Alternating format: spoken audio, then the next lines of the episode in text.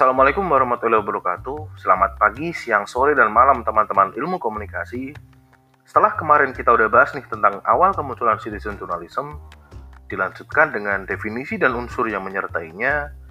Pada kesempatan podcast kali ini, saya akan lanjutkan pembahasan mengenai sejarah perkembangan citizen journalism di Indonesia. So, tanpa berlama-lama lagi, mari kita bahas lebih dalam mengenai bagaimana sejarah perkembangan citizen journalism di Indonesia. Selamat mendengarkan.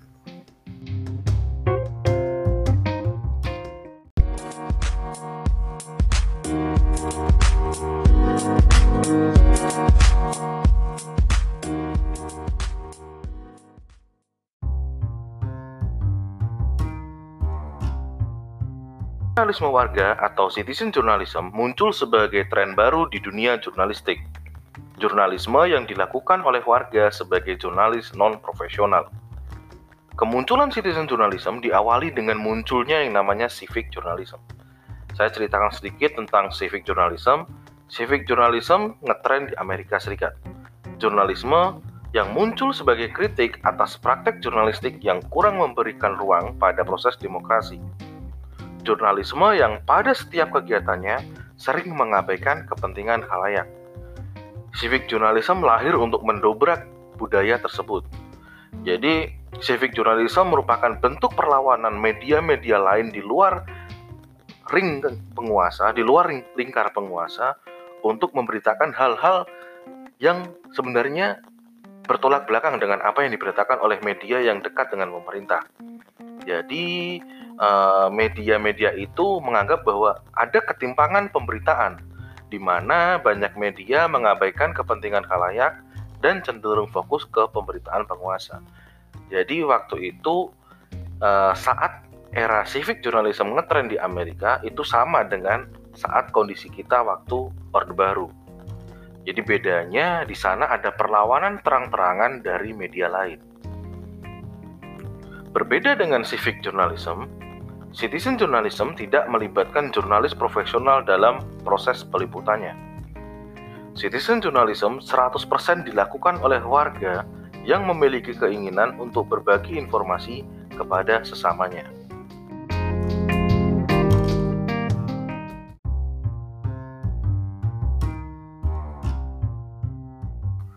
Sebagai media alternatif bagi warga, eksistensi citizen journalism di beberapa negara bahkan mampu bersaing dengan jurnalisme profesional media mainstream, seperti televisi, radio, dan surat kabar. Contoh sukses keberhasilan citizen journalism dalam membawa misi dari warga untuk warga tersebut antara lain dapat dilihat dalam blog ohmynews.com dari Korea Selatan yang secara efektif menyuarakan aspirasi warganya. Jadi di portal tersebut ada sesi interaktif antara pemerintah dengan warga sehingga aspirasi, kritik, dan masukan langsung ditampung dan bisa diselesaikan.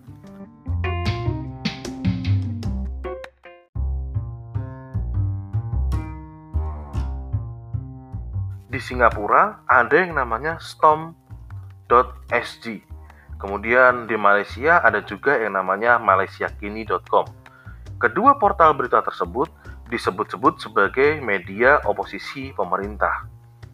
Jadi, di Singapura dan di Malaysia, citizen journalism membentuk komunitas yang kemudian diwadahi dalam sebuah web portal. Web portal tersebut menjadi tempat bagi mereka untuk mengawasi jalannya pemerintahan. Tak jarang pula, kritik-kritik pedas pemerintah muncul di kedua web tersebut.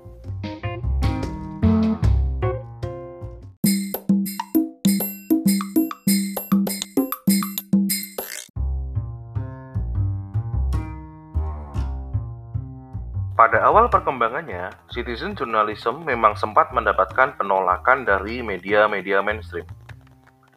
Tidak hanya karena sebagian dari media-media tersebut menganggap citizen journalism sebagai ancaman pada eksistensi mereka, tetapi juga karena jurnalis warga dianggap bukan seorang profesional yang bisa melakukan peliputan seperti jurnalis profesional yang mereka miliki. Pengetahuan akan kaidah-kaidah jurnalistik seperti kelengkapan informasi, etika penulisan, dan akurasi berita menjadi pertanyaan-pertanyaan skeptis yang bermunculan pada awal perkembangan citizen journalism.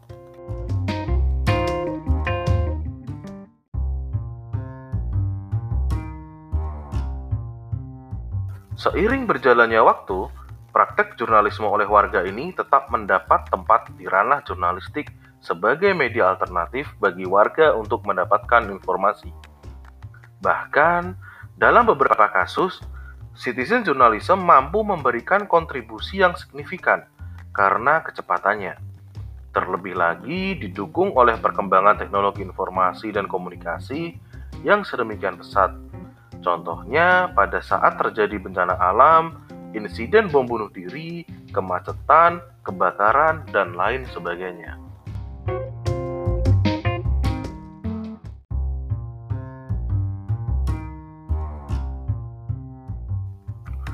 Selain dari hal kecepatan, ketersediaan alat-alat untuk melakukan peliputan juga semakin murah dan banyak variasinya. Bahkan handphone sekarang tidak lagi menjadi yang namanya kebutuhan tersier. Handphone seakan naik pangkat menjadi kebutuhan primer di mana semua orang harus punya handphone, harus punya handphone yang ya setidaknya ada kamera lah di dalamnya. Jadi selain karena uh, ketersediaan alat yang semakin murah dan gampang, ditambah kehadiran media baru berbasis internet, juga mau nggak mau telah mendorong perkembangan citizen journalism, termasuk di Indonesia. Dalam beberapa tahun terakhir, jutaan log web, blog, vlog, dan lain sebagainya dengan beragam konten telah muncul dan bahkan mendefinisikan ulang yang namanya praktek jurnalistik. Informasi semakin informatif dan banyak jenisnya Orang-orang mulai tidak malu lagi untuk tampil di depan layar, makin nyaman melakukan yang namanya vlog. Sementara yang lain lebih nyaman melakukan foto jurnalis atau liputan pendek.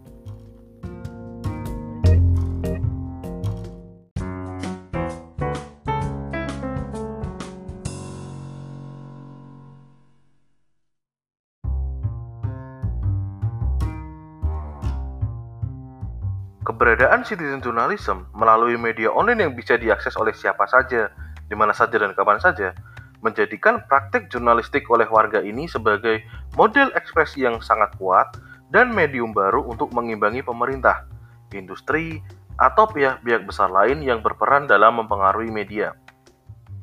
Sebagai bagian dari rantai berita, citizen journalism mampu menyuarakan aspirasi warga bahkan dalam bentuk yang sederhana sekalipun.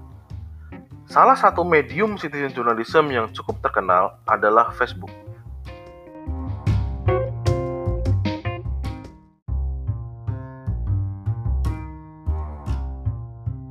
Jaring sosial seperti Facebook tak bisa dipungkiri memang telah berkontribusi besar pada perkembangan citizen journalism di Indonesia. Hal ini antara lain dikarenakan popularitas media sosial tersebut masih sangat tinggi bahkan tertinggi di Indonesia.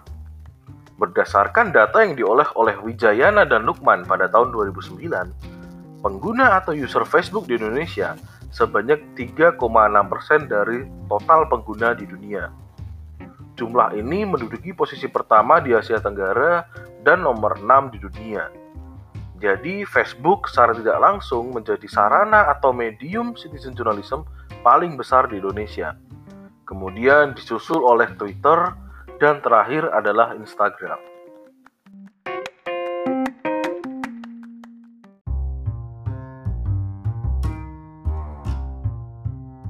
Di Indonesia, jumlah pengguna YouTube yang dirilis pada 15 Februari 2018 mencapai 3% dari jumlah seluruh user sharing site itu di dunia. Jumlah tersebut menduduki posisi ke-14 di dunia dan posisi ketiga di Asia. Peringkat pertama ditempati oleh Amerika Serikat dengan jumlah pengguna 23,6 persen, di mana tentunya data ini akan terus meningkat hingga ke tahun 2020 ini. Sama halnya dengan Facebook, meski tidak semua pengguna YouTube melakukan praktik citizen journalism, keberadaan YouTube menjadi salah satu wadah bagi jurnalisme warga untuk menyebarkan informasi dengan cepat. Seperti yang kita lihat sekarang ini, Berbagai macam tayangan dari tutorial how to, unboxing, sharing resep masakan, dan masih banyak lagi ada semua di YouTube. Masyarakat sudah semakin bisa menciptakan pasarnya sendiri, di mana tentunya hal ini menjadi hal yang sangat positif karena di sisi lain masyarakat akan mendapatkan informasi yang semakin beragam dan semakin variatif.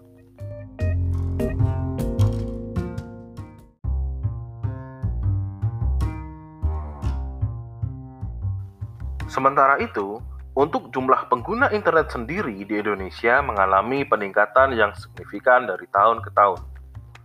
Berdasarkan data yang dirilis World Internet Statistic, pengguna internet di Indonesia meningkat dari 2 juta pada tahun 2000 menjadi 22 juta pada tahun 2010 dan melonjak dua kali lipat menjadi 55 juta pada tahun 2011. Dan pada akhir 2017, pengguna internet di Indonesia melonjak hingga menyentuh angka 100 juta pengguna. Peningkatan jumlah pengguna dan akses internet ini menunjukkan bahwa teknologi media baru tersebut semakin terjangkau oleh khalayak dan sangat potensial ikut mendorong perkembangan citizen journalism, terutama citizen journalism versi online. Tidak hanya berkembang di ranah online, tren citizen journalism di Indonesia juga merambah dunia televisi, radio, dan surat kabar. Citizen journalism dalam siaran stasiun radio El Sinta misalnya. Sejak menjadi pionir di tahun 2000 hingga kini, El Sintam telah memiliki 400 ribu jurnalis warga. Jadi kalau boleh saya cerita tentang Radio El Sinta ini, info-info dari semua pengendara yang mengabarkan kondisi lalu lintas yang mereka alami merupakan selling point yang El Sinta pertahankan dari dulu hingga sekarang. Jadi puncaknya adalah ketika mudik. Jadi El Sinta ini adalah radio pemantau jalan sebenarnya. Jadi uh, semua warga, semua pengendara yang kebetulan lagi mengendarai kendaraannya itu boleh telepon ke radio itu untuk mengabarkan apa yang mereka lihat di jalan. Jadi ketika ada info macet di sini, kemudian ada uh, kecelakaan di sini, itu sangat informasi itu sangat beragam masuk ke El Sinta. Jadi puncaknya jelas pada saat mudik, di mana saat mudik itu kan uh, pasti yang namanya macet kalau zaman dulu. Kalau zaman sekarang udah ada yang namanya tol. Jadi zaman dulu waktu mudik itu yang didengerin itu pasti radio info perjalanan. Jadi radio El Sinta dan satunya adalah radio Idola. Kebetulan radio El Sinta itu udah cukup uh, tinggi selling pointnya, brand awarenessnya udah cukup tinggi. Jadi uh, kita waktu mudik itu kita dengerin radio itu biar apa? Biar tahu eh, titik-titik uh, mana aja yang macet, kemudian titik-titik mana aja yang mungkin bisa jadi jalan tembus, jalan alternatif untuk kita menghindari kemacetan tersebut.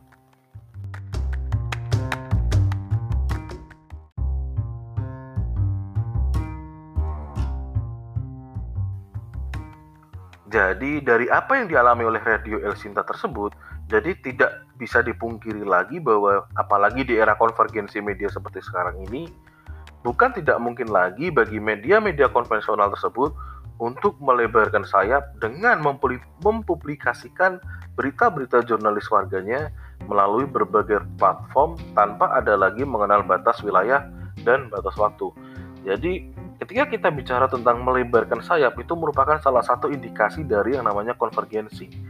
Jadi media-media tradisional yang sudah nyaman dengan cara mereka yang konvensional dalam tanda kutip, mereka melebarkan sayapnya dengan cara uh, bikin sebuah web, kemudian dari web itu bisa di streaming dan kawan-kawan. Jadi uh, secara nggak langsung jurnalisme-jurnalisme konvensional itu terpacu untuk melebarkan sayap untuk mengikuti perkembangan zaman agar mereka tidak ketinggalan dan tetap mempunyai konsumen setia.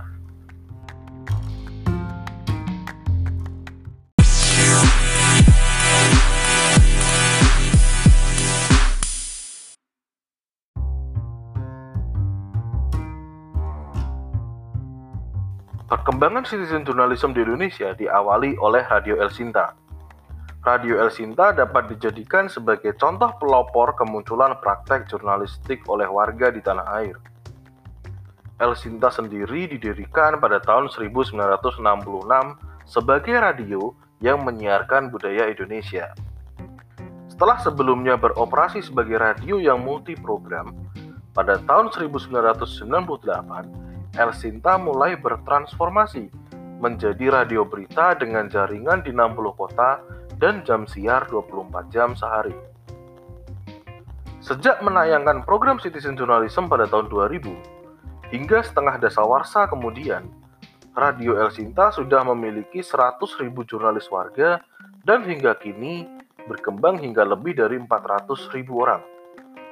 Jadi ada juga di luar jurnalis warga terdaftar itu ada juga mereka yang melakukan interaktif di tiap program siaran seperti yang saya ceritakan tadi. Jadi uh, setiap program siaran Ersinta itu ada sesi interaktifnya di mana setiap orang bisa telepon dan melaporkan kejadian yang terjadi di depan matanya.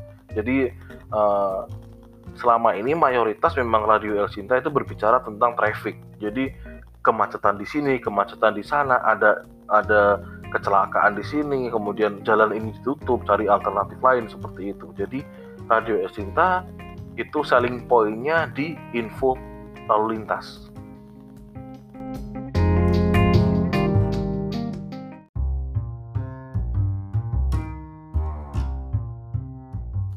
Keberhasilan El Sinta melahirkan budaya berbagi informasi oleh warga tidak terlepas dari kondisi di awal tahun 2000-an di mana saat itu radio memang masih menjadi salah satu media masa andalan untuk mencari informasi, berita, dan hiburan. Jadi pada saat itu orang-orang dengan sukarela mendengarkan radio.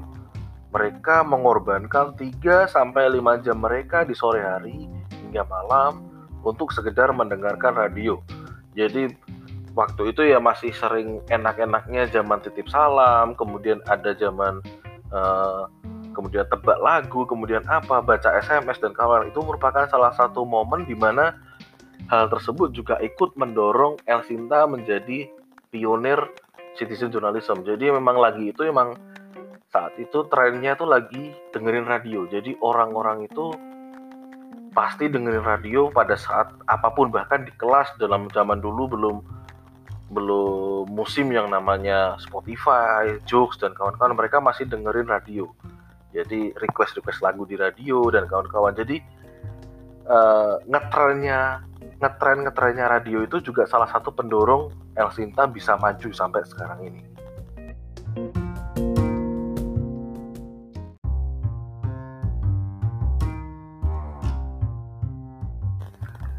Jadi lain dulu lain sekarang, walaupun sekarang radio sudah tidak lagi merupakan sarana informasi utama dan peran radio sudah bergeser menjadi uh, teman perjalanan di mobil, jadi uh, orang kalau nyetir itu pasti dengerin radio. Jadi akan tetapi interaktif di radio itu memang nggak bisa dibantah sekarang ini. Jadi jumlah pendengar pun nggak bisa dikatakan turun banget. Jadi pendengar itu memang turun, tapi masih tetap banyak tidak sebanyak tahun 2000-an waktu waktu itu waktu ngetren ngetrennya radio. Jadi ada faktor lain yang berperan dalam perkembangan citizen journalism radio El Sinta adalah salah satunya juga kebebasan pers yang mulai bergulir pada tahun 1998 setelah jatuhnya rezim Orde Baru. Selain itu, uh, hal yang mendorong citizen journalism lahir di radio adalah budaya masyarakat. Jadi budaya masyarakat itu adalah ketok tular, bahasa Jawanya ketok tular atau uh, apa namanya sharing informasi antar sesama. Jadi uh, getok tular itu terjadi ketika kita contohnya adalah ketika kita di tukang sayur, kemudian di tempat tongkrongan, tempat ronda dan kawan-kawan. Jadi ada budaya masyarakat di Indonesia untuk mendengar dan berbincang-bincang serta berbagi informasi yang sudah turun temurun itu salah satunya juga salah merupakan pendorong yang menyumbang keberhasilan Radio El Sinta dalam mengembangkan citizen journalism. Jadi ditambah lagi telepon seluler atau handphone yang sudah mulai murah saat itu. Jadi memang dulu sempat handphone sempat mahal di, di tahun 2000 awal, di tahun 90-an akhir itu handphone uh, sempat mahal, tapi ketika munculnya radio El Sinta dan ketika El Sinta sudah mulai interaktif itu handphone sudah mulai beranjak murah. Jadi ada Nokia, Siemens, waktu itu ya Sony Ericsson uh, dan kawan-kawan itu mulai menjamur. Jadi orang bisa mulai interaktif kapan aja. Asal dia punya handphone dia langsung telepon dan cinta dia langsung mengabarkan. Jadi nggak harus lagi macet gitu kan bete aduh macet aku pengen info tapi ra iso. Kemudian gue ada wartel berhenti dulu. Dia di wartel telepon Ersinta mengabarkan seperti itu. Jadi orang nggak perlu lagi ribet-ribet untuk sekedar uh, mengabarkan apa yang sedang terjadi atau yang sedang dialami olehnya di jalan. Nah hal ini juga membuktikan bahwa uh, passion masyarakat saat itu untuk berbagi informasi itu sangat sangat besar. Karena salah satu hal tadi yaitu budaya masyarakat yang suka ngobrol berbincang-bincang jadi bayangkan zaman dulu itu kita bahkan belum bisa sharing berupa video. Hanya bisa sharing berupa suara atau uh, kita ngomong eh di sini mas ada gini-gini jadi tolong jangan lewat sini ya seperti itu. Jadi kita nggak tahu bukti realnya akhirnya macet porak tapi setidaknya kita bisa membayangkan suasana saat itu.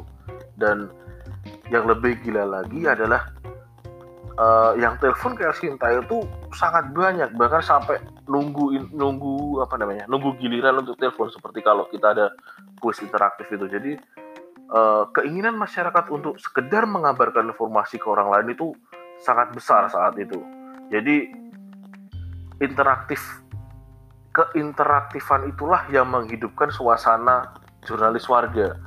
Ada suasana real time di situ. Jadi kita yang cuma denger aja nih, kita di rumah aja nih, kita juga seakan-akan ikut ngerasain macet gitu. Di sana ngikut ngerasain macet, di sini ikut ngerasain macet. Jadi dari info-info yang diberikan oleh masyarakat itu kita jadi bisa membayangkan bagaimana kondisi jalan pada saat itu.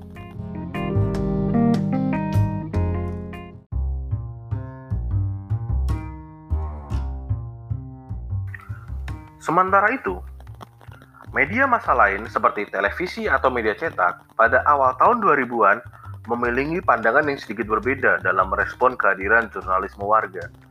Jadi, mereka pada umumnya masih enggan, masih nggak mau lah apa sih jurnalisme warga remeh gitu kan, untuk mengadopsi yang namanya citizen journalism.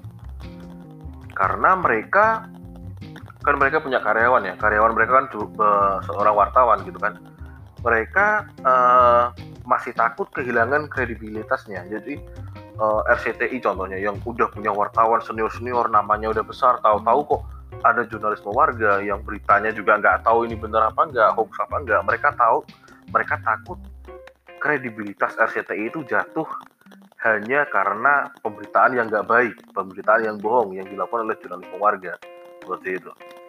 Uh, jadi Eh, hal-hal uh, yang sangat diperhatikan oleh eh, media-media uh, besar waktu itu adalah apa yang membuat mereka enggan adalah salah satunya adalah kredibilitas, reputasi, dan problem etika jurnalistik. Jadi mereka menganggap bahwa jurnalisme warga itu belum bisa ketiga ini. Dia belum bisa dibuktikan kredibilitasnya, belum bisa dibuktikan reputasinya, dan belum bisa dibuktikan apakah uh, yang diliput atau apakah yang mereka share itu sesuai dengan kaidah etika jurnalistik pada saat itu. Jadi walau uh, mereka itu masih defensif dengan kehadiran jurnalisme warga, mereka masih aku nggak maulah mempertaruhkan nama besar uh, hanya hanya untuk sekedar mengikuti tren, aku nggak mau mempertaruhkan nama besar hanya untuk uh, memberikan tempat atau porsi bagi jurnalisme warga untuk mengupload berita mereka seperti itu. Jadi walaupun demikian, El Sinta itu masih tetap sukses. Jadi wes walaupun karmulah media gede TV, media TV, media cetak gak mau sebenarnya yuk kita masuk aja ke El Sinta, kita masuk aja ke radio. Jadi setelah El Sinta sukses menangkap peluang dan mengembangkan citizen journalism sebagai media alternatif penyaji informasi, stasiun TV mulai terbuka pikirannya, mulai tercerahkan, padang, mulai padang. Uh, hijau ya bener ya seperti itu jadi uh, stasiun TV swasta seperti SCTV, RCTI, Antv, Metro waktu itu belum ada net dan beberapa stasiun radio lain stasiun radio gede seperti Prambors, Hard Rock, Trax dan kawan-kawan mulai mengadopsi konsep jurnalisme warga tersebut dalam program acaranya. Jadi mereka sudah mulai tercerahkan. Wah, iya ya jadi uh, mungkin ada beberapa informasi yang aku nggak bisa dapat di tempat itu tapi jurnalisme warga uh, para warga ini dengan sukarela untuk berbagi informasi tinggal kita mau apa enggak menyediakan tempat atau menyediakan wadah bagi mereka untuk mengekspresikan atau untuk mempublikasikan apa yang sudah mereka dapat.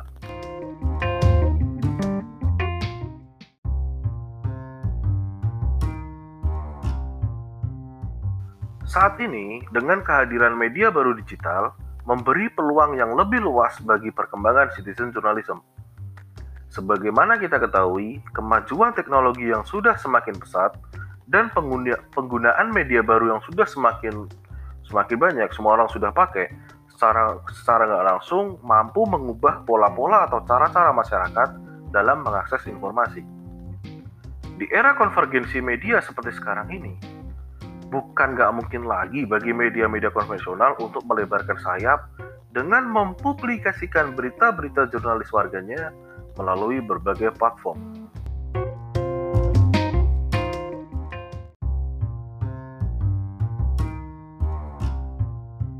Seperti yang terjadi di Metro TV. Metro TV sekarang tidak hanya menyediakan ruang bagi jurnalisme warga melalui media televisi.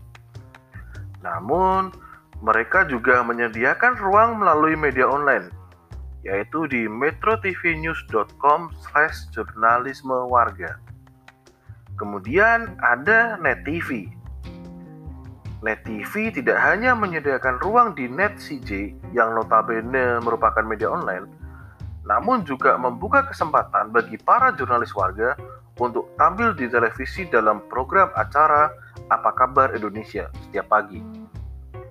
Jadi ini tidak jauh berbeda dengan konsep grup Kompas yang tak hanya mewadahi aspirasi warga dalam kompasiana.com tetapi juga dalam program acara Sahabat Kompas TV. Sementara Tribun News menyediakan versi online dan cetak untuk jurnalisme warganya, masing-masing melalui Jogja tribunnews.com slash dan Tribun News cetak. Jadi eh, media-media mainstream mulai terbuka mata batinnya, mata batin, mulai terbuka apa namanya pemikirannya untuk menyediakan porsi bagi jurnalisme warga karena mau nggak mau kalau kalian menolak gelombang ini, menolak gelombang jurnalisme warga, maka nggak menutup kemungkinan bahwa apa yang kalian cetak itu merupakan informasi yang basi. Karena di media online sekarang ini bahkan sesuatu atau informasi yang basi itu hanya bisa atau bahkan bisa dikatakan satu jam setelah media itu muncul di mana-mana.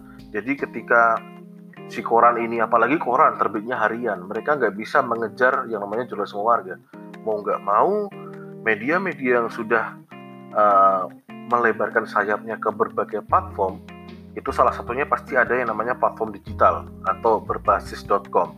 Jadi platform itulah yang dimanfaatkan untuk mewadahi atau memberikan porsi kepada jurnalisme warga untuk mengupload beritanya.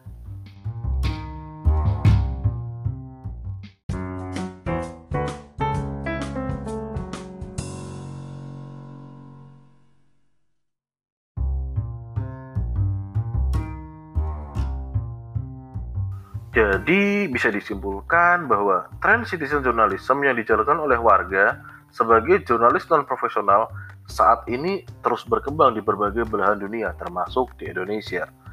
Jadi uh, awal kemunculan citizen journalism itu nggak bisa lepas dari yang namanya civic journalism.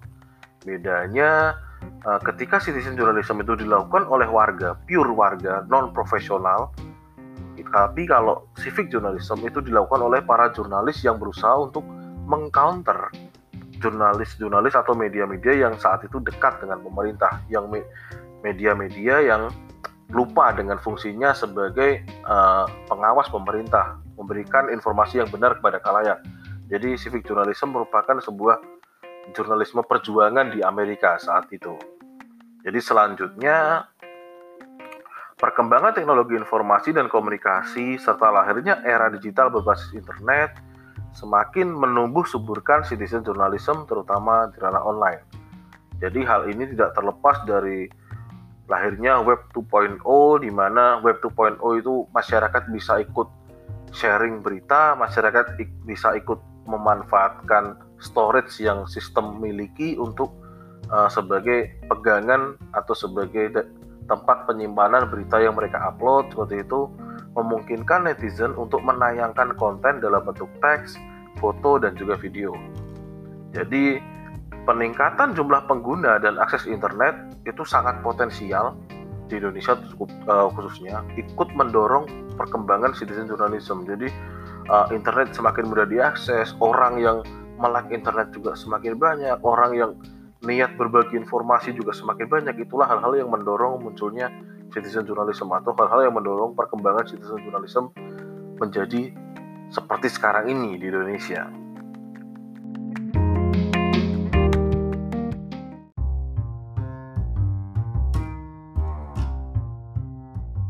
kesimpulan selanjutnya mengenai perkembangan atau sejarah perkembangan ini adalah kemunculan citizen journalism di Indonesia dipelopori oleh Radio El Sinta yang mulai mengusung konsep tersebut pada tahun awal tahun 2000-an. Jadi Radio El Sinta saat itu gencar-gencarnya yang namanya telepon interaktif. Uh, warga bisa dengan mudah telepon dan mengabarkan apa yang sedang mereka alami saat itu.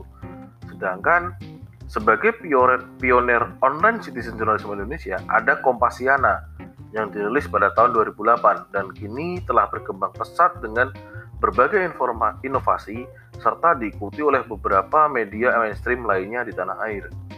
Jadi kalau versi uh, konvensionalnya itu ada yang namanya radio karena radio termasuk media konvensional, uh, media generasi kedua bisa disebut. Tapi kalau generasi ketiga itu ada Kompasiana. Kompasiana merupakan sebagai pelopor blog saat itu. Jadi munculnya kompasiana.com itu sebagai pionir bahwa warga bisa dengan bebas untuk mengupload beritanya sendiri di sana. Seperti itu.